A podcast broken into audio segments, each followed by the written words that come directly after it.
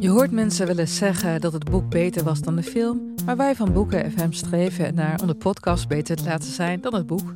Wij lezen de klassiekers die je nog niet gelezen hebt. We lezen de boeken die je heel graag wil lezen, maar waar je eigenlijk voor schaamt om in het publiek mee gezien te worden. We lezen de Libris-winnaars. Uh, we praten over de Nobelprijslariaten. Allemaal zoals je een etentje hebt dat je moeiteloos mee kan praten en dat het lijkt alsof je helemaal belezen bent. Wij zijn Ellen, Joost en Charlotte van Boeken FM en je kunt ons luisteren in je favoriete podcast-app.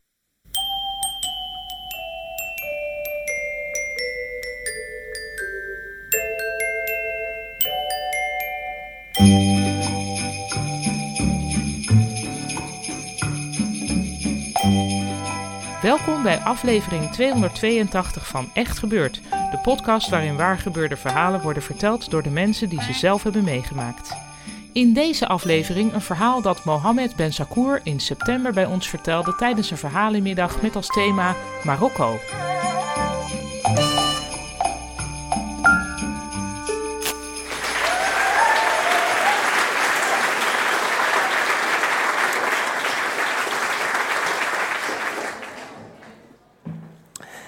Moeders. Waar zouden we zijn zonder uh, onze moeders? Dit verhaal um, speelt zich af een aantal jaren geleden. Mijn moeder die, uh, moest naar het ziekenhuis voor uh, een kleine ingreep. En ze zou de volgende dag alweer naar huis gaan. Um, daar is iets misgegaan. Zij had een infarct opgelopen, een herseninfarct. En dan is er een, een ader of een slagader is verstopt door een stolsel meestal. En dan kan er geen zuurstof naar je hersenen. En daardoor sterft een deel van je hersenen af. En dat kan uh, vergaande gevolgen hebben. En dat had het ook uh, in het geval van mijn moeder. Want ze uh, raakte verlamd aan de rechterzijde. Ze kon niet meer bewegen. Been, armen, dus de hele rechterkant was weg.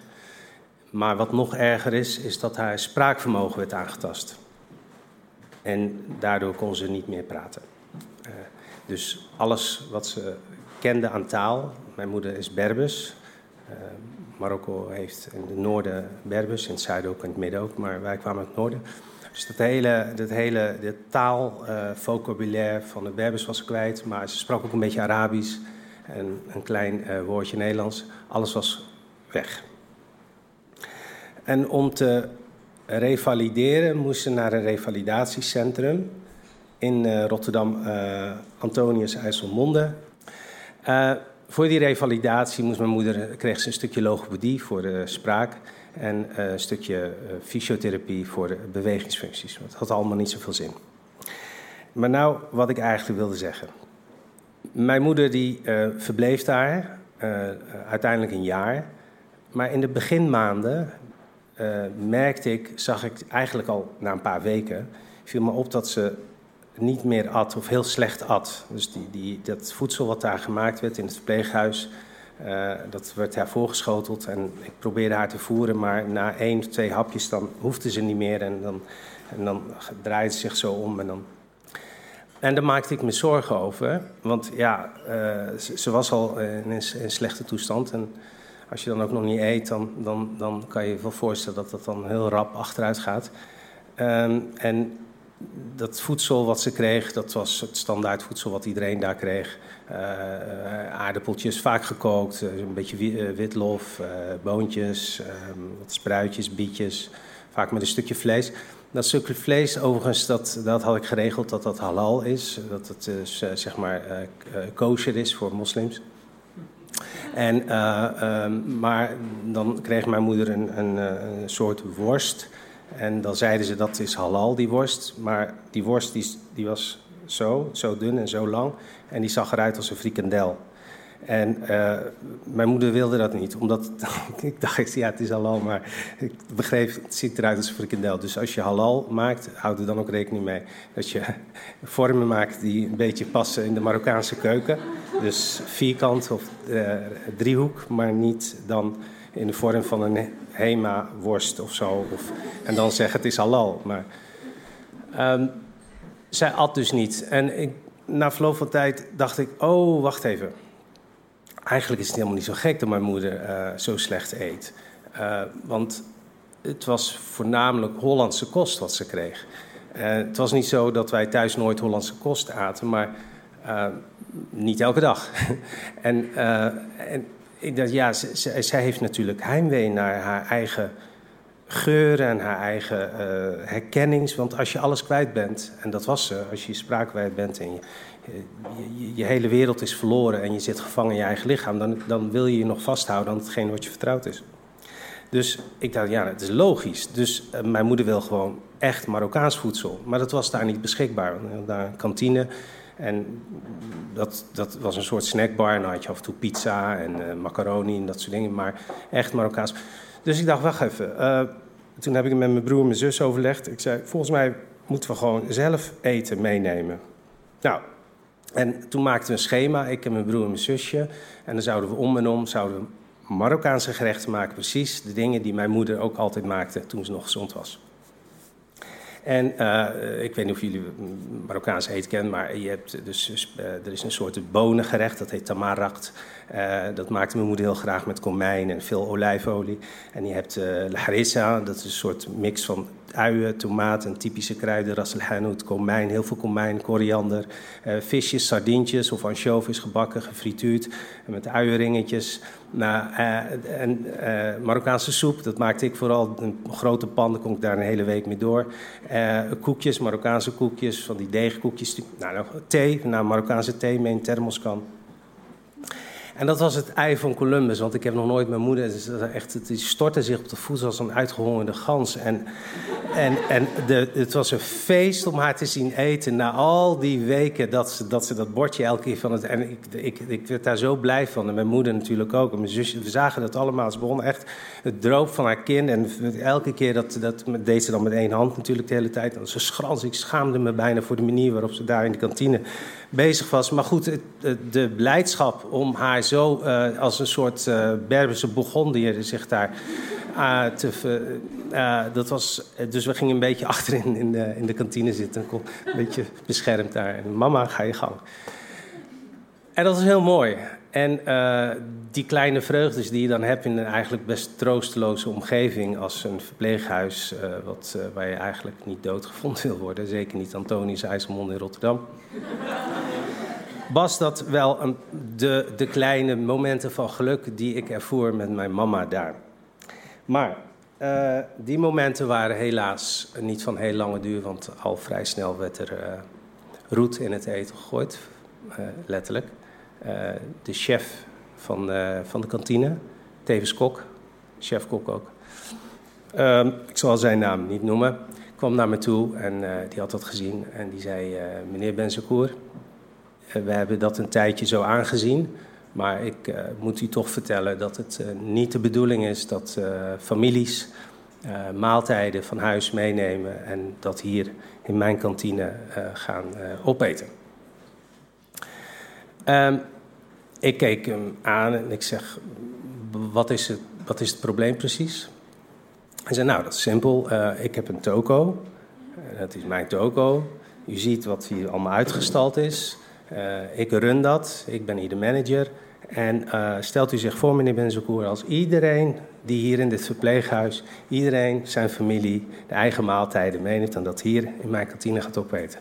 Net zo goed die toko sluiten, nietwaar? Nou, ik zeg, daar, uh, daar zit wat in. Maar daar wil ik toch wel tegen inbrengen dat als iedereen dat zou doen. Maar ik, volgens mij is mijn moeder de enige Marokkaanse vrouw hier. En de enige die problemen heeft met eten. Dus Bent u niet blij, net als wij, dat er hier in elk geval één patiënt is die enorm geniet van het voedsel wat hier uh, geconsumeerd wordt in deze kantine? Uh, ja, meneer Benskoe, dat zal wel zo zijn, maar uh, wij gaan hier geen uitzondering maken op de regel. Dus ik zou u vriendelijk willen verzoeken om voortaan, als u, u mag wel uw eten meenemen, maar dan niet hier in de kantine alsjeblieft. Uh, u kunt in de tuin eten, u kunt uh, boven op de kamer, kunt u uh, gezellig met elkaar gaan zitten, maar niet hier. Nou, daar had ik eigenlijk niet zo heel veel op terug. het is toch zijn plek. alleen ehm, in de tuin, het, was ergens medio, eind november was het ongeveer. En ja, het, met daar een dikke jas onder de regen en in de kou in die tuin daar Marokkaans zonnig voedsel te gaan eten. Nee, dat, dat was geen optie. En op de kamer was ook geen optie, want die was altijd vol met. mijn moeder was niet alleen, er zaten vier andere patiënten in die kamer. En die hadden ook bezoek en het was krap. En dan zat je in een kamertje of het bed en dan die lade. Dat, was helemaal niet praktisch om daar te eten. Toen ben ik maar met mijn moeder nu en dan naar het winkelcentrum aan de overkant in de rolstoel. Reed ik haar daar en dan gingen we in de HEMA. Uh, had ik ik had toen wel wat meegenomen in de tas af en toe. En dan uh, bestelde ik een patatje met. En dan, als, als die serveerster dat dan zo bras ging weg, haalde ik snel wat dingen uit die tas en legde ik dat er ook bij op tafel. Maar dat, hadden ze ook gezien. En toen zei ze, uh, zag er ook een beetje raar uit. Maar uh, wanneer men in de nood verkeert, dan zal er altijd een soort openbaring komen. Althans, zo uh, interpreteer ik het, een soort helpende hand uit de hemel. Want ik drukte een keer, ja, in die periode, een week of anderhalf week later, drukte ik in de lift, per ongeluk, was helemaal per ongeluk. Uh, ik was met mijn gedachten ergens anders. En ik wilde naar boven, maar ik drukte naar beneden. En het was de kelder. Ik belandde ineens in de kelder. De deur ging open, ik loop door. En, hè, wat ben ik nou? Toen zat ik in de kelder uh, van, van, van, van het verpleeghuis. En ik vond het een heel spannende ruimte. Er zaten allemaal uh, kapotte rolstoelen en uh, er zat gereedschap. Ik zag allemaal dozen met. Uh, ik, ik, er, sta, er zaten allemaal slingers uit die dozen en er waren ook dozen met proviand voor de keuken, de siroop, vruchten. dus allemaal soort voorraad. Maar daarnaast, naast die, naast die kast met al die dozen, zat een kamertje. En die stond open en ik keek zo in dat kamertje wat daar was. En daar zaten allemaal stoelen gestapeld van de kantine boven op elkaar. En er zat ook een tafeltje en er zat een kleed. En ik keek nog eens even om me heen. Het zag er heel stil uit. En ik deed nog zo'n doos open en daar zaten allemaal witte en rode kaarsen. Kerstversiersels, ook ballen. En toen ben ik naar boven gegaan en heb, ben ik nog een keertje naar beneden gegaan om even nog even een keer te checken of er echt helemaal nooit iemand daar beneden komt. Maar er kwam gewoon helemaal niemand. En toen heb ik de volgende dag uh, weer lekker gekookt thuis. En heb ik dat meegenomen. En ben ik in de lift gestapt met mijn moeder. Zonder dat ze het drukte ik op het knopje beneden. Toen zijn we naar dat kamertje gegaan hebben die tafel met een mooie wit gesteven laken bedekt. Ik heb die rode kaarsen en die witte kaarsen heb ik daar in, uh, in de houder zoals dit neerzet. Ik heb een aansteker bij me zoals dit. Ik had wat glazen meegenomen. Ik heb die deur dicht gedaan. En ik heb hem, en mijn moeder hebben bij een soort romantisch candlelight uh, sfeer... hebben wij daar in totaal tot half februari vanaf eind november ongeveer, hebben tot half februari hebben wij daar stiekem de allergeweldigste maaltijden gehad. Het was ook heel warm daar. Kom ook omdat de cv-leidingen die liepen ook helemaal boven het ding. En mijn moeder die, was altijd heel warm gekleed. Nu zouden we allemaal uit te zweten daar. En ik heb daar de, de mooiste uh, diners gehad. Uh, zo ongeveer uit mijn leven, juist omdat het niet mocht. En je de hele tijd zat te, kijken naar die deur of er iemand naar beneden komt. En mijn moeder ook. Die Tot ongeveer half februari, eind februari, ik weet het niet meer precies. Toen wilden we weer naar beneden gaan. En uh, toen had iemand, weet, ik weet nog steeds niet wie, maar iemand heeft, de, zat kettingslot op die deur. Maar we vonden het niet zo heel erg, want inmiddels begon het een beetje warm te worden. De lente begon te komen. En toen heb ik en mijn moeder de rest van de lente en de zomer lekker gezellig in de tuin gegeten. Dat was mijn vraag.